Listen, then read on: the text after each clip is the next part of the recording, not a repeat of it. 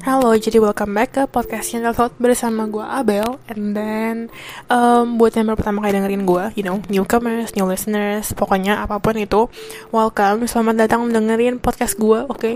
Kalau misalkan kalian tahu dari teman kalian Atau mungkin, you know, I don't know, nge-scroll or maybe entahlah kalian tahu podcast gue dari mana Cuman kayak basically welcome, oke okay? Kalau misalnya buat yang pertama kali dengerin short introduction dulu. Um, gue itu sekarang ini udah kerja. Kayak I've been working for around six months for now. Masuk masuk enam bulan lah, masuk enam bulan. And then I graduated graduated from Taiwan. Jadi kayak dulu gue kuliah di Taiwan dan sekarang ini gue kerja di Indo. Terus habis itu ya basically podcast gue ini isinya itu sebenarnya random stuff sih. Tapi mostly isinya tentang kayak um, random topics. Yeah, basically, basically random stuff, random topics. And then sometimes I talk about mental health and then relationship. Ini di sini disclaimer dulu, gue tuh kalau ngomongin kayak ginian bukan expertnya. Oke, okay, namanya juga podcast. And karena emang pada dasarnya gue tuh membuat podcast ini tuh cuman apa just for fun aja sih sebenarnya karena I don't make money at all dari podcast ini dan kayak maksudnya I don't earn any money kayak maksudnya any cent even a cent gue bahkan gak earn dari podcast ini. Jadi emang benar-benar purely entirely ini tuh buat for fun doang. Jadi maksudnya kayak everything I say in this podcast ya di semua episode gue itu hanya apa ya um, pendapat gue aja sih kayak personal opinion aja lah. Jadi kalau misalkan seumpamanya kita atau mungkin kayak you know our life experience kan pasti beda ya. And then experience masing-masing orang juga pasti beda. Terus pola pikirnya juga pasti beda seumpamanya kita ada perbedaan pendapat. Ya udah kayak maksudnya just just be it gitu loh. Jangan kayak sampai mikir oh enggak enggak. Si Abel kemarin bilang kayak gini jadi jangan jadikan podcast gue sebagai patokan oke? Okay? gue cuman kayak pengen share aja gitu entah pengalaman hidup atau mungkin curhatan or mungkin kayak life lesson or mungkin tentang you know life experience. Jadi isinya emang sebenarnya a bit trashy sih kalau saya bisa dibilang. Karena maksudnya kayak banyak banget sebenarnya teman gue juga kayak bilang lu podcast tapi lu ngomong sendiri. Gue bilang iya. Karena kan emang basically ya maksudnya gue kalau mau ngajak teman gue pun sebenarnya ada, ada aja yang mau. Cuman kayak nanti harus ketemuannya males habis itu kayak harus janjian waktu males. Terus yang bisa diketemuin makanya malu-malu. Jadi kayak it's not that easy juga kalau misalkan kalian mau buat podcastnya berdua gitu loh. Jadi ya basically ngomongin random-random stuff aja sih. Dan untuk episode kali ini gue pengen ngomongin tentang sekilas cerita aja sih kayaknya nggak akan panjang-panjang kayaknya ya kayaknya. Tapi kalau misalkan sampai panjang sorry karena you know uh, super talkative. Jadi kalau misalkan kalian dengerin gue sampai menit ini pun kalian juga pasti tahu ini orang tuh kayaknya bacot banget ya gitu ya. Pokoknya kayak gitu deh. Oke okay? gue cuma pengen cerita tentang kayak pre probation pre probation sama post probation jadi kayak before after probation jadi basically gue itu sekarang kerja kan di Indo gue lulusan Taiwan. Tapi sebenarnya di Taiwan itu kita langsung masuk topiknya aja lah ya. Misalnya kayak kecurhatannya aja lah ya. Di Taiwan itu sebenarnya gue itu udah apa ya um, sempat kerja sekitar enam bulan. Terhitungnya sebenarnya sih kerjanya full time ya. Awal awalnya terhitungnya enggak. Cuman karena hari Rabunya itu gue wajib masuk. Jadi kayak masih terhitungnya kayak part time tapi part timenya yang kerjanya tuh kayak um, four days a week. Jadi terhitungnya kayak lumayan ya maksudnya kayak waktunya tuh kayak kuting gitu loh. Kuting tuh apa ya? Waktunya tuh kayak fixed schedule gitu loh. Ngerti gak sih? Nah kayak gitu. Nah habis itu basically pas awal awalnya gue nyari kerjaan di Indo sebenarnya tuh gue nggak mau balik Indo. Awal awalnya gue balik Indo itu cuman pengen liburan doang kan. Ya singkat ceritanya intinya kayak interview di company gue yang sekarang ini. Interview interview interview. Terus kayak apa ya um, tahap interviewnya pun juga sebenarnya menurut gue lumayan lama. Entah dari manajernya atau gimana. Cuman kayak dibilangnya sih dari manajernya ya. Cuman kayak basically di company sekarang gue kerja ini I interview tiga kali. Ngomong-ngomong kalau misalnya kalian dengerin suara Haji pardon oke okay, please forgive the background sound karena itu anjing gue sedang haji kayak haji gitu oke okay, nggak penting terus habis itu intinya kayak pertama kali kan interview sama HRD video call gitu kan kayak I think zoom meeting. Aduh haji mulu. And then kayak udah meet kayak maksudnya udah interview bla bla bla and then the nextnya itu gue interview sama user. User ini lebih kayak ke pokoknya divisinya lah divisi terkait gitu kan. And then I applied for training training division. Jadi waktu itu gue interview sama dua orang.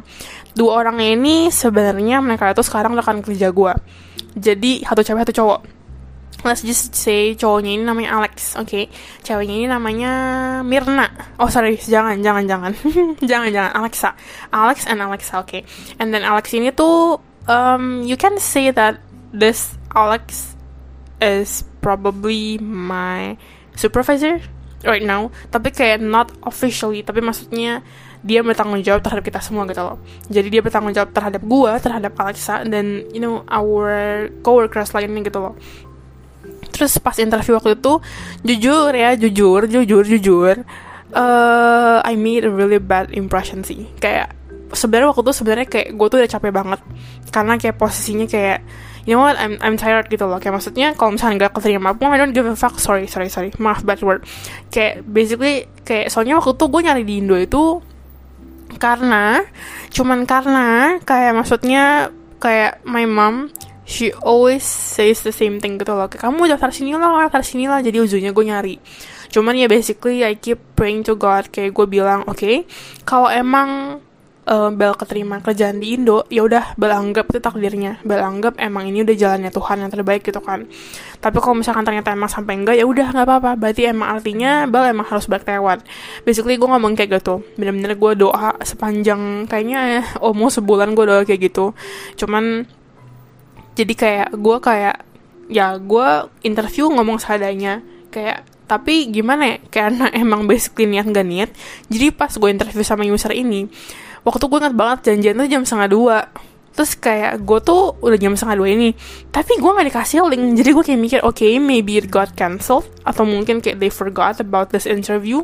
Jadi gue kayak ujung-ujungnya gue kayak tidur tiduran terus habis itu kalau nggak salah gue ketiduran. Ketiduran kayak gak tau entah kayak 5 menit 10 menit I don't know. Cuman gue bangun terus kayak rambut gue tuh yang udah kayak apa ya kayak tau kan ini muka-muka bantal terus rambutnya belepotan eh rambut belepotan rambutnya berantakan. Terus kayak ya udah gue pakai baju tidur basically gue pakai baju tidur cuman bukan baju tidur yang ada gambar-gambarnya gitu lah ya cuman kayak polos cuman ya baju tidur. Terus gue interview kan. Terus kayak I mean mereka tuh gak ngetes Mandarin gue cuman kayak ditanya gini-gini terus cuman kayak ditanya oh ya terus kalau misalkan Dina setarik gak terus kalau misalkan gini-gini kamu bisa gak terus kamu bisa lembur gini-gini gak ya gimana ya kalau interview I don't think this is something you guys have to do gitu ya. Kayak you guys kayak perlu dengerin gue cuman kalau di interview kalian tuh sebenarnya harus gimmick. Ngerti gak? Jadi gimmick tuh menurut gue harus. Cuman jangan gimmicknya sampai kayak oh iya iya iya iya uh, gue bisa Excel saya bisa Excel kok. Saya jago banget Excelnya. Cuma ternyata kayak it turns out you suck at Excel gitu jadi jangan sampai kalian gimmicknya itu juga kayak gimmick goblok gitu ngerti gak sih? Kayak kalian tuh harus make yourself sound kayak okay she is willing to work. Okay he is willing to work. He is willing to do blah blah blah, blah. he's willing to do this that blah blah blah. He's very cooperative blah blah blah blah. Cuman don't make yourself sound like holy shit this guy is very perfect gitu ngerti gak sih? Kayak gitu loh. Jadi kayak maksudnya selama interview ini kayak gue juga gimmick kayak ditanya gini-gini gue iya. Ya basically meskipun gue kayak aduh males. Cuman kayak ya udah iyain aja gitu kan. Cuman kalau misalkan emang ternyata kalian nggak mampu kayak waktu gue inget banget ada beberapa company nanyain gue uh, kayak maksudnya lu bisa Excel gak terus gue kayak bilang uh, gue cuma bisa cuy cipen kayak maksudnya cuy cipen itu maksudnya lebih kayak yang paling umum lah. Kayak bener-bener kayak yang paling basic gue bisanya. Jadi kayak gak bisa dibilang gak bisa tapi gak bisa dibilang jago. Nggak salah dong. Nah jawaban aman-aman seperti itu sih menurut gue yang lebih disarankannya. Cuman ingat jangan gimmick over. Oke okay? this is a kayak a very good tips for your future interview kalau misalkan ada and then kayak interview interview interview. Tapi sadly kan interview gue cewek sama cowok kan si Alexa sama Alex ini kan. Alex itu sama sekali nggak ngomong cuy. Kayak basically si Alex ini sama sekali nggak ngomong. Terus gue kayak oh uh, uh, oke okay, oke. Okay. maksudnya oke okay, dia nggak ngomong mungkin dia cuman kayak apa ya cuman kayak dengerin gue doang gitu kan. Terus habis itu intinya kayak udah dong. And then kayak um, I think uh, sekitar kayak two weeks from from then kayak ujung-ujungnya gue dibilang oke okay, mau ada another interview gitu kan another interview. Cuman um, interviewnya ini tuh kayak sama orang yang bisa ngomong Mandarin. Jadi they wanna test my Chinese speaking gitu loh. Terus habis itu interview interview tapi ya tapi pas gue interview Mandarin ini sejujurnya ya kayak orang tuh orang Indo tapi Mandarinnya emang bagus banget. Jadi kayak lancar lah. Terus gue disuruh baca pengumuman. Sebenarnya pengumuman ini tuh gak susah. Cuman karena mungkin kita sebagai orang Indo yang bisa Mandarin pun yang biasa aja yang kayak standar levelnya ya maksudnya apa ya intermediate lah ya. Kan ada some apa ya ada beberapa kata-kata kita tuh nggak tahu ya Mandarinnya. Contohnya kayak libur lebaran Idul Fitri. Gue kayak maksudnya kayak Happy Easter aja tuh gue gak, gak tahu gitu loh. Maksudnya kayak yang gue tau palingan cuma kayak Merry Christmas kayak uh, apa sih ya? Gue sebenarnya lupa jadi santan kue lo bukan sih? Santan santan kue lah ini, ini itu deh habis itu kayak palingan yang basic basic banget gitu kan. Terus disuruh bacain pengumuman. Pengumuman tuh isinya tentang idul kayak idul fi iya idul fitri libur lebaran. Terus gue kayak nggak bisa baca dong. Basically kayak he told me kayak um, lu harus perbanyak nonton drama Cina sih terus pakai subtitlenya Cina gitu jadi biar lu bisa lebih lancar. Nah kalau kalian jadi gua kalian tuh pasti mikirnya kayak oh uh, iya kalau gitu kayaknya gua gak keterima deh. Ya basically gue juga mikir gitu. Gue mikirnya oke okay lah gue gak keterima ya udahlah. Kayak misalkan emang gak keterima ya udah keterima yang udah bagus. Kayak misalnya nothing tulus aja karena waktu itu emang posisinya tuh kayak I don't give a shit kalau misalkan emang sampai gue gak terima gitu loh karena posisinya jujur waktu itu gue tuh udah keterima di company lain di PIK daerah PIK oke? Okay? and then daerah PIK ini menawarkan menawarkan gajinya juga lebih gede lebih gede kayak satu koma setengah juta lah. Terus kayak posisinya juga asisten manager jadi kayak lumayan bagus sih. And then kayak perusahaan mining gitu lah. Terus habis itu ujung-ujungnya kayak oke okay, balik ke Taiwan gitu kan karena udah fix keterima udah dapat offering letter segala. And then kayak udah beli tiket buat pulang. Jadi sebenarnya gue balik Taiwan tuh cuma seminggu buat terapin barang doang.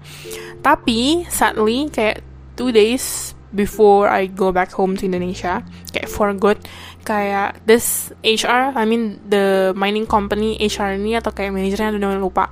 Kayak basically he text me. Kayak misalnya message me gitu kan. Terus intinya dia kayak bilang sorry but our company kayak nggak jadi hire lu gitu loh sumpah at that point I was like devastated. Kayak a mix apa ya mixed feelings. Kayak either sad or angry or kayak fuck should I just stay in Taiwan? Kayak maksudnya kayak karena I've been praying intinya kayak bilang um, kalau emang jodohnya Bel kerja di Indo ya udah keterima. Bel percaya kayak Tuhan tuh bakal ngasih yang terbaik gitu lah. Untuk tunjukin jalannya lah ya tapi kalau misalkan enggak then I'm gonna stay in Taiwan gitu loh. I know maybe this might sound a little bit kayak religious banget. Cuman no okay I'm not actually a religious person. Cuman kalau misalkan emang I'm feeling down atau mungkin kayak banyak um, apa ya kayak beban pikiran kayak you know overthinking biasanya ya I started praying okay? and then kayak di hari itu gue kayak pasti chat gue kayak bingung aja gitu gue harus ngapain karena gini, kalau misalkan kalian pulang dari Taiwan ke Indo for good, kalian kan harus kirim barang ya. Nah, kirim barangnya ini tuh harus pakai kayak jasa kirim namanya tuh index. Um, singkatan dari Indonesia Delivery Express tuh sebenarnya kayak toko gitu, toko convenience store yang ada di mana-mana, tiap-tiap kota di Taiwan tuh ada. Jualannya tuh barang-barang Indo, Vietnam, Philippines, and then kayak kayak, kayak gitulah snack-snack Indo yang kayak harus beli di situ doang. Terus kayak um, kardusnya ini gede, jadi isinya tuh bisa muat banyak dan sek harganya sekitar berapa waktu ya? Harganya sekitar satu setengah jutaan gitu lah. Terus sadly kayak unfortunately juga kardus gue yang emang mau dikirim ke Indo ini tuh udah diambil jam 12 siangnya. Gue di chat jam 2an gue inget banget atau jam satuan gitu. Dan it was kayak fuck. I mean what the hell should I do now gitu loh. Maksudnya gue ngechat nyokap gue gue ngechat bokap gue terus gue ngechat sahabat gue di Taiwan dan kayak sahabat gue sebenarnya I'm not gonna blame her sih karena gue bakal respon yang hal yang sama. I mean bercanda cuman dia kayak bilang intinya kayak ya Bel terus gimana dong? Kayak maksudnya terus intinya dia kayak bilang apa mungkin lu harus stay Taiwan aja kali Bel gitu loh. Jujur gue sempat kepikiran waktu itu should I just stay in Taiwan? Kayak maksudnya kayak why not? gitu loh. Kayak maksudnya kosan gue juga gue udah bayar and then kayak maksudnya I still have kayak maksudnya at least kayak few months to to look for a new job gitu kan Terus kayak maksudnya savings gue juga masih cukup lah untuk hidup tanpa kerjaan mungkin sekitar dua bulan. Jadi kayak maksudnya selama dua bulan ini I can still look for a job gitu kan. Cuman kayak gimana ya kayak gue juga mikirnya kayak tapi I already bought my you know flight ticket. Habis itu gue juga udah bayar kardusnya. Terus kalau misalkan gak jadi kirim pun nanti jadi ribet lagi gitu loh kirim-kirim barang segala. Emang sih nggak langsung dikirim di hari itu cuman kayak sedih aja gitu kayak misalnya rempong gitu kan. Terus kayak nyokap gue kayak bilang ya udahlah mau gimana kamu balik ke Indo dulu aja lah nanti baru cari kerjaan lagi. So ya udah uh, I decided to go back home to Indonesia for good. And then kayak I think bener-bener gue nyampe kan Kamis malam tuh ya Jumat Jumat subuh lah ya gue nyampe nya terus habis itu Seninnya gue udah ada interview lagi interview interview interview interview. And then basically this company yang dari tadi gue interview ini tiga kali uh, mereka ngechat gue HR-nya kayak um, I was informed kayak oh sorry ya baru ngabarin usernya ada bla bla bla gini gini.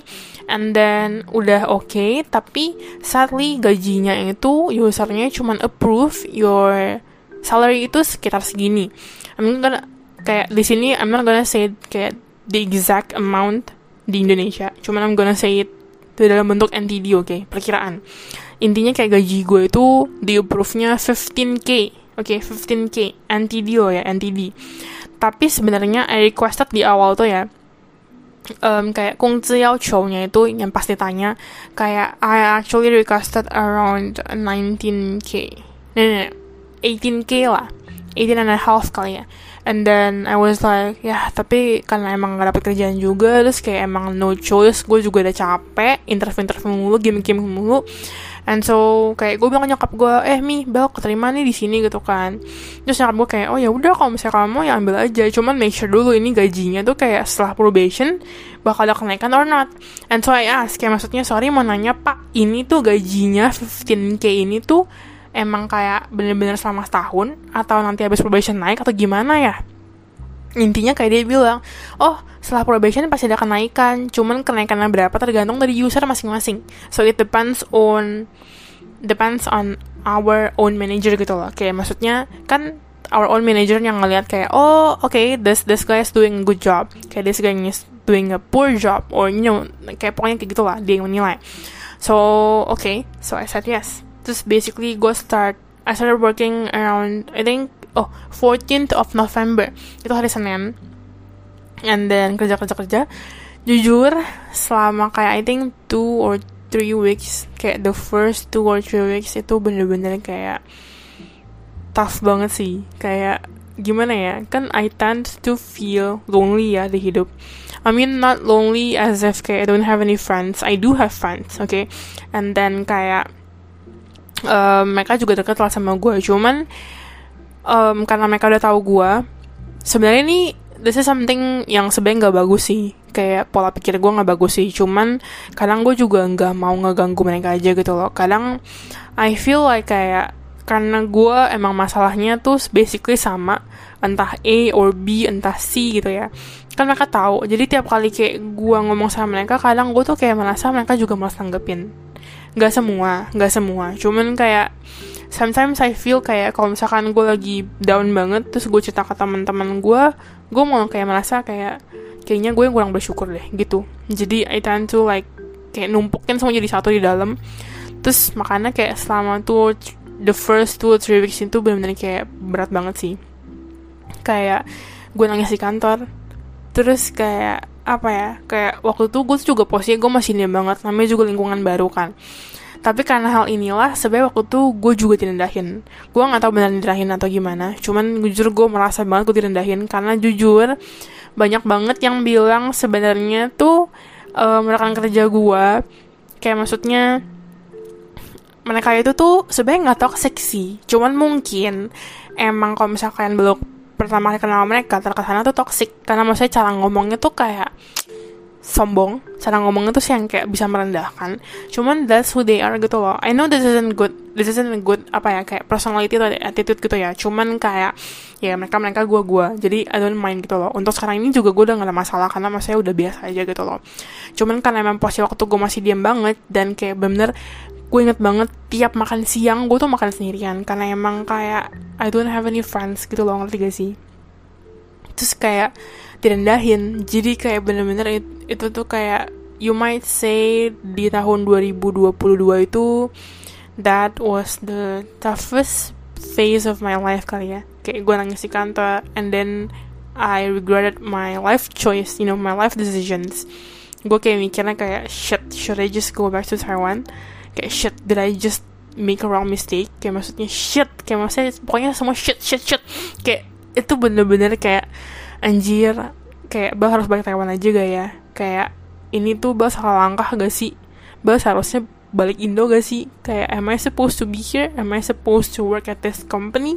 Jadi kayak segala hal tuh tuh menurut gue tuh kayak hard. Especially kayak maksudnya gimana ya? Kayak kerjaannya sebenarnya bukan nggak enak cuman karena gimana ya sebenarnya nyokap itu tuh kayak dari awal gue kerja pun juga kayak kurang serak gitu loh. And then gajinya juga kecil. Sebenarnya kalau untuk fresh graduate di Indo gaji gue sekarang ini 15k itu termasuk high how lah. Nanti gak sih? Termasuk high how cuman kalau misalkan emang lu bandingin dengan gaji Taiwan tuh bener-bener beda banget. Di Taiwan itu gue dapet 28k that's the minimum salary that I'm gonna get each month. Jadi kayak perbandingan tuh bener-bener kayak 50% lower gitu loh ngerti gak sih? I know gue nggak bisa bedain karena maksudnya life expense-nya juga berbeda. Cuman di sini gue lebih kayak cuman pengen ngomongin kalian aja sih kayak um, karena basically karena I am used to living with a lot of money. Jadi gue hedon. Tapi not to the part kayak not to the point sampai-sampai gue hedon itu sampai nggak tahu diri sampai kayak bener-bener sisa tabungan gue cuma lima ratus ribu sejuta no biasanya gue kalau misalnya belanja minimal minimal banget tabungan gue tuh pasti ada minimal minimal banget ya around tujuh setengah juta that's kayak the bare minimum. Itu kalau misalkan gue juga habis beli barang yang bener-bener kayak mahal banget sih. Cuman kayaknya selama 2022 itu yang bener-bener hab terendahnya itu tabungan gue isinya sekitar 15 sih. Itu pun juga gara-gara gue habis beli HP habis beli iPhone. Jadi kayak maybe maybe I was very apa ya kayak devastated tentang gaji juga gara-gara kayak I'm used to living with a lot of money di Taiwan not gonna brag about this atau mungkin kayak terkesana sombong no tapi kayak I work hard and I own that money. Kayak maksudnya that's the money I deserve juga gitu loh. Jadi bukannya gue kerja sembarangan dan bukannya itu duit bonyok gue, maksudnya bokap nyokap gue no, itu bener-bener purely entirely kayak gue dapetin dari kerjaan gue gitu loh. Jadi kayak apa ya meskipun gue hedon tapi kayak gue tuh di Taiwan ya sumpah. Kalian tuh bisa nanya teman-teman gue di Taiwan. Gue di Taiwan tuh sama sekali nggak pernah mikirin tentang kayak uh, gimana ya kan ada beberapa orang kalau misalnya buat makan tuh kayak aduh janganlah kemahalan gue nggak pernah. Tapi di sini posisinya bukan berarti tiap hari gue makan mewah cuman kalau misalkan Hani kalian ngajakin, eh makan kari yuk. Kari Taiwan itu yang biasa kita makan lah saya harga seporsinya itu sekitar 120 NTD, NTD Itu around um, 60k 67, 70 ribu, 60 ribu lah. Kan kayak untuk kaum Indo termasuk ya agak mahal ya ya kan? Kalau misalnya makan di mall ya sepiring segitu sih. Cuman kayak dengan gaji contohnya 5 juta tuh terasa banget. Jadi kayak gue oh oke okay. tapi malamnya terus kita bisa kayak ke night market. Terus di night market ini tuh spending sekalian tuh nggak mungkin di bawah 200 ribu. Mungkin sih kalau misalkan kalian udah makan. Cuman kalau misalkan belum makan sumpah nggak mungkin spending sekalian tuh di bawah 200 ribu. Gue tuh tiap kali ke night market ya paling paling minimum tuh kayaknya 200 ribu deh kayaknya ya. Tapi mungkin karena emang yang gue beli lumayan mahal sih kayak gue belinya yang kayak paella paella satu porsinya berapa? Kayak 40 ribu Ya gitu itu kan kayak bagi dua Habis itu atau gimana lah Atau mungkin kayak minuman lah Habis itu kayak makanannya kan bola-bola ubi Bola-bola ubi aja satu porsinya di situ tuh udah sekitar kayak um, berapa ya? kayaknya lima puluh ribu deh lima puluh ribu yang tapi yang gede ya terus kayak I mean lumayan ini sih untuk life expense kalau di Taiwan kalau makanan sex snack gitu lumayan mahal sih cuman it's worth the money. Kayak misalnya it's worth the salary gitu loh ngerti gak sih? Jadi se sepadan lah sebanding. Sedangkan kalau di Indo gila gue tuh aduh, kayak gue satu hal yang gue bener sadarin banget. Selama di Indo ini gue tiap kali diajakin makan sama teman gue keluar gue you know the first thing that always comes to my mind tuh apa? Aduh duit lagi keluar. Aduh pasti minimal harus ribu nih pasti minimal segini nih sumpah kalau misalnya kalian teman gue di Indo I might sound kayak oh ya udahlah santai lah santai. Gue nggak pernah ngomong skip. Ngerti gak gue nggak pernah ngomong skip. Bukan karena gengsi. Lebih tepatnya karena kayak gimana ya? Um, karena kayak gue tuh orang gak enakan sama orang. I know kayak maksudnya kalau emang duit gue menipis gue harusnya menolak cuman kayak gue tuh karena emang udah terbiasa hidup kayak lah makanan tuh jangan terlalu pelit. Kecuali lu ngajakinnya contohnya giuk aku tiap hari. Nah itu kan goblok ya jadi gue nggak mungkin ikut juga. Cuman kayak basically nyokap gue dari dulu juga suka ngomong sama gue kamu tuh kalau misalkan mau kayak hedon gitu ya kalau boros jangan ke barang untuk beli barang-barang yang barang yang nggak berharga itu sayang banget bel karena maksudnya contohnya misalkan gue boros beli baju. Sayang karena kayak ya baju lu bisa pakai berkali-kali bukan kayak sekali pakai lu buang. Unless lu belinya kayak ya benar-benar disposable sekali pakai you know underwear atau kalau misalkan clothes gitu ya. Cuman kalau misalnya baju kan bisa jangka panjang. Emang sih mungkin you might be bored dengan baju pilihan-pilihan lu kayak ih anjir gue pakai ke kantor ini mulu gue pakai ini mulu ini mulu. Cuman kayak ya udah kayak maksudnya don't give a shit gitu loh. Kayak maksudnya emang namanya baju dipakai berkali-kali. Masa iya lo seumur hidup kayak bener satu hari pakai satu baju doang? Nggak mungkin dong. Kayak pasti kan bener-bener itu baju pakai berkali-kali gitu kan. Sedangkan kalau misalkan terhadap makanan nyokap gue tuh lebih yang kayak ya udahlah kayak lebih cincai gitu loh ngerti gak sih? Kecuali emang harganya nggak ngotak banget ya. Contohnya mungkin kayak satu porsi daging satu porsi daging yang chunks gitu ya misalkan 100 gram harganya 700 ribu. Nah itu baru nyokap gue kayak gak usah lah ngapain sayang duit. Nah kayak gitu. Ngerti gak sih? Cuman kayak gue sama ini kayak lebih tepatnya diomongin sama nyokap. Kalau sama makanan nggak apa-apa lah kalau misalnya kamu boros lah ya. Tapi maksudnya jangan sampai keseringan jajan sampai sampai lo jadi bagong. Ngerti gak nyokap gue selalu ngomong kayak gitu. Dan keseringan jajan. Maksudnya kayak kalau untuk makanan mami nggak akan ngomong banyak lah kalau misalnya kamu mau maksudnya pengurangannya banyak. Karena dulu pas Taiwan kuliah gue tuh selalu buat kayak monthly spending gitu loh monthly expense lah. Terus gue kirim ke nyokap gue jadi nyokap gue bisa tahu kayak pengeluaran gue tuh gedenya di apa. Dan kalian tahu gue dulu itu ya awal-awal budget gue itu um, 5 juta per bulan. Might sound gede banget ya untuk di Indo tapi kalau di Taiwan itu 5 juta itu tuh sebenarnya kalau untuk average-nya ya average-nya itu bener-bener spending per bulannya itu 4 juta. Jadi oke okay, gue mungkin bisa dibilang ada privilege lah. Kayak maksudnya nyokap gue kasih lebih gitu kan. Cuman asal kalian tahu asal kalian tahu itu kan tapi belum AC ya. Spending gue 5 juta itu kalian tahu 70% kayak I think 72an ya. 70 persenan itu spending gue itu ke jajan. Not jajan in a kayak snack way gitu ya kayak maksudnya minuman lah.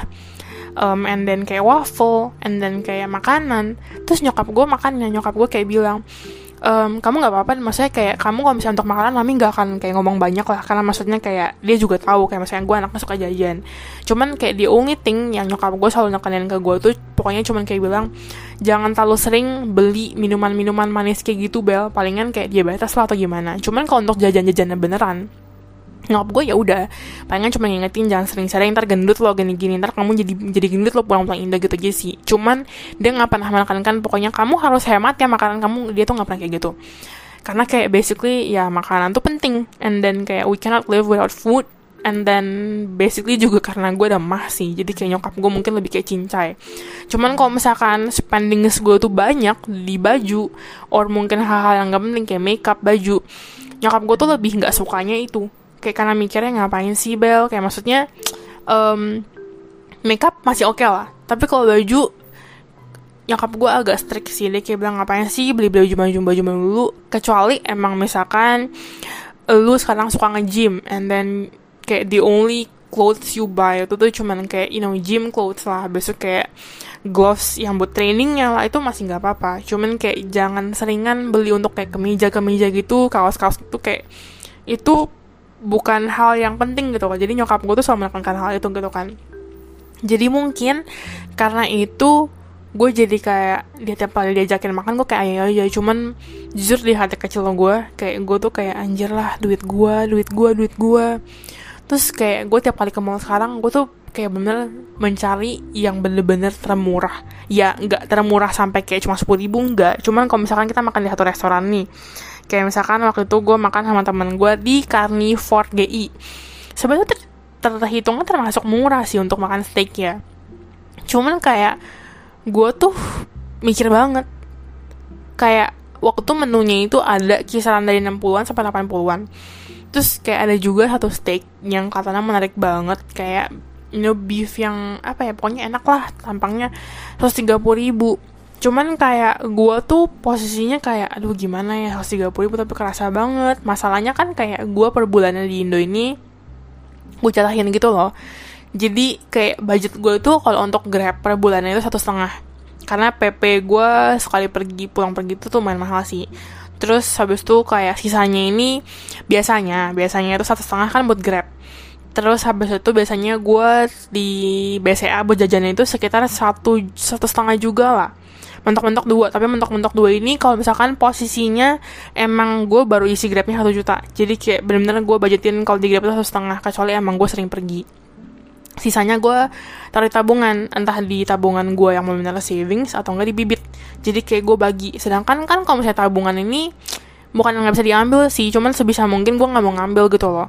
Dan kalau misalkan di bibit lama kan dia akan cairnya kan. Jadi gue tuh waktu itu posisi gue inget banget duit gue tuh di tabungan sisa kayak 500 ribuan. Dan kalau misalkan gue makan 130 ribu. Belum teks belum kayak pajak segala macem lah. Pokoknya adalah tete bengeknya.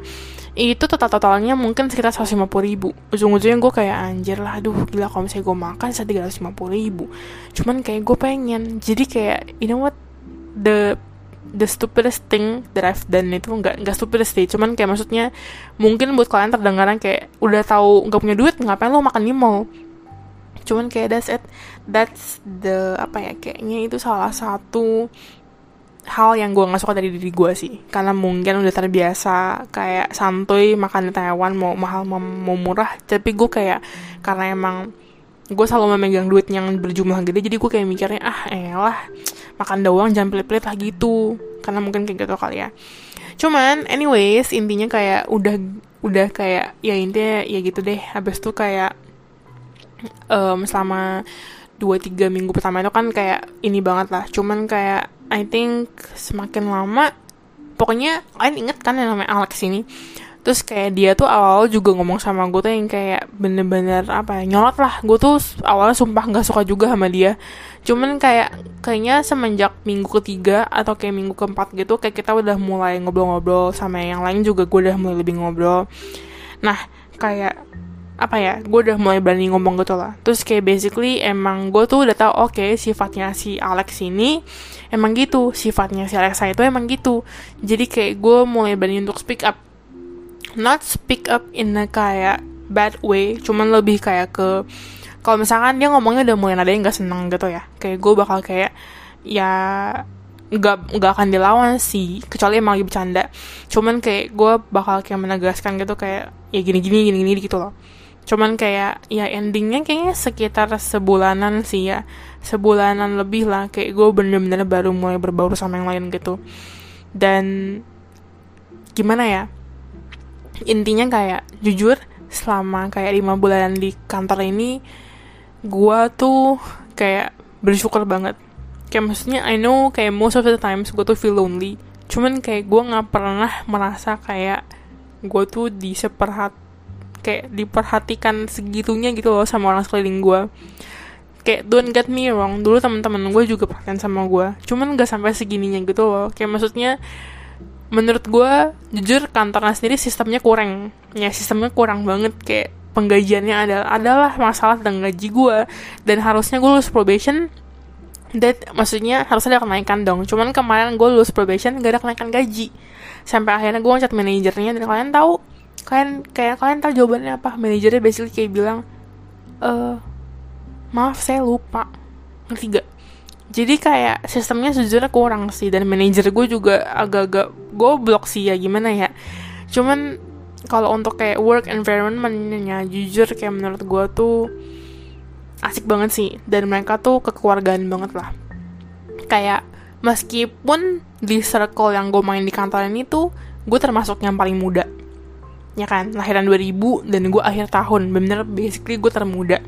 Cuman kayak umur-umurnya tuh diverse. Ada yang umur lahiran 91 94 tembus tuh 97 96 and then 98 99 tapi kayak I don't know man. Kayak maksud gue tuh bener-bener tiap gue lagi down atau kayak nangis gue tuh sumpah kalian tuh kalau misalnya di kantor gue yang ngomong-ngomong ya kalian tuh bakal sering lihat gue nangis. Ini bukan suatu hal yang harus di proud sih. Kayak maksudnya kalian ini sesuatu hal yang lumayan goblok sih. Harusnya nggak gitu karena terkesan jadi profesional.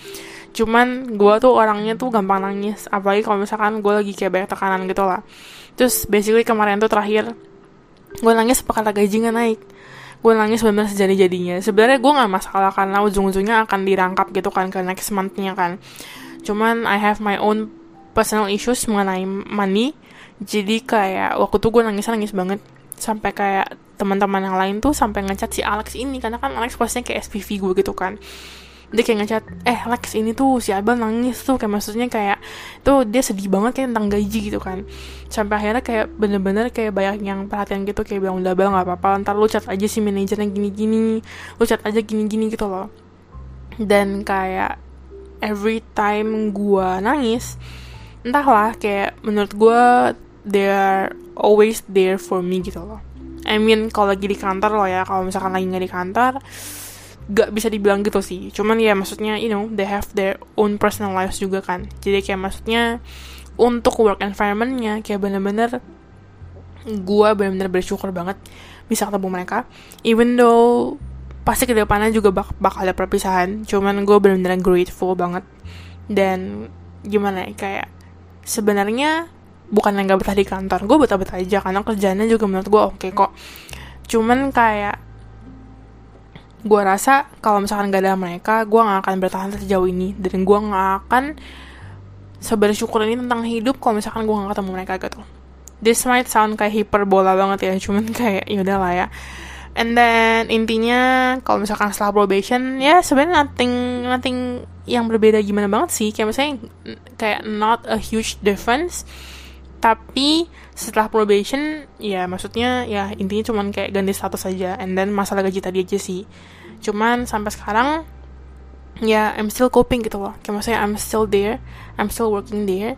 Meskipun gajinya jujur emang kurang cuman ya karena complain juga. Karena maksudnya teman-teman gue juga ada yang di bawah gue. Tapi gaji kayak gini kan juga tergantung divisi masing-masing jadinya kayak that's the only thing I can comment kali ya tentang gaji gitu. Terus udah sih sebenarnya cerita-cerita gue tuh kesalahan karyawannya itu tuh banyak banget. Cuman ini udah panjang banget ya jadi gue juga kayak bingung.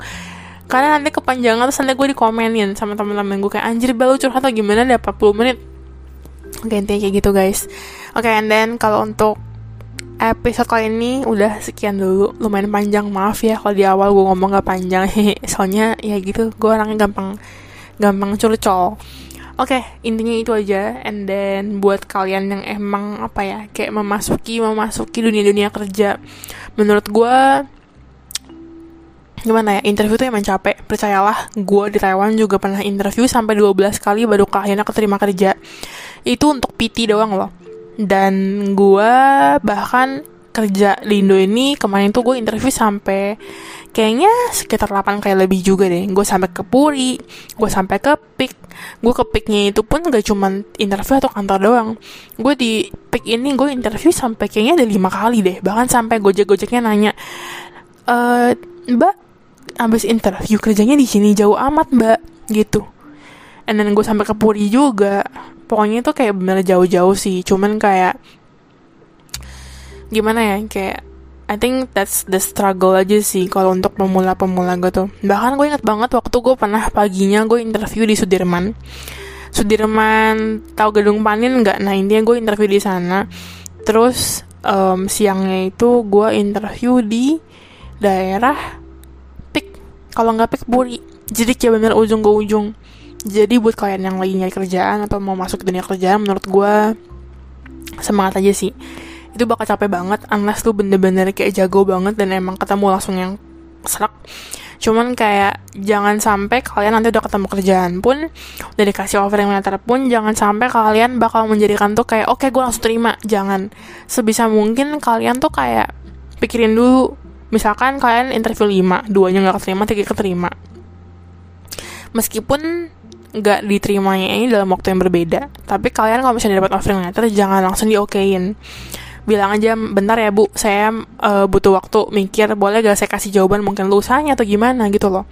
Jadi kayak um, sebenarnya proses rekrutmen kerja itu lumayan apa ya lumayan sulit sih. Dan kalian juga harus mikir banget kayak should I take this company atau should I just go to that company? Gitu loh. Cuman ya ujung-ujungnya kalian harus kayak mikirin semuanya sih. Kayak tentang kerjaannya job desknya and then environmentnya. Terus kayak how this company works beneficialnya apa. Jadi kayak benar harus dipikirin secara mateng aja sih gitu. Udah guys. Itu sekian dari podcast gue hari ini. Dan beberapa masukan beberapa cerocolan gue cuman kayak um, ya intinya kayak sebenarnya kerja di Indo ini nyesel nggak nyesel sih. Kalau kalian nanya sama gue sampai sekarang nyesel nggak nyesel. Kalau misalnya kalian nanya sama gue mau balik Taiwan lagi gak yes. Sumpah jawabannya masih iya. Cuman saatnya udah nggak bisa. Dan kayak you know it happens. Terkadang emang dalam hidup ada beberapa pilihan yang emang lu harus ambil dan itu lumayan keras juga ya. Cuman that's just life aja sih. Dan lu harus you know you just have to live on. Move on. Namanya juga hidup kita nggak boleh ada regrets regretsnya. Meskipun gue agak menyesal balik Indo cuman ya kalau dibilang menyesal banget juga enggak sih. Karena kalau gue nggak balik Indo gue juga nggak bisa ketemu sama teman-teman circle gue sekarang ini. Jadi everything happens for a reason aja sih. Gitu teman-teman oke? Okay? and then we'll see each other on the next episode. Bye bye thank you banget yang udah mau dengerin gue sampai habis. Meskipun gue tahu kayaknya cuma satu orang doang sih palingan dengerin gue sampai habis. Cuman oke okay, bye bye sampai jumpa di episode berikutnya. Bye bye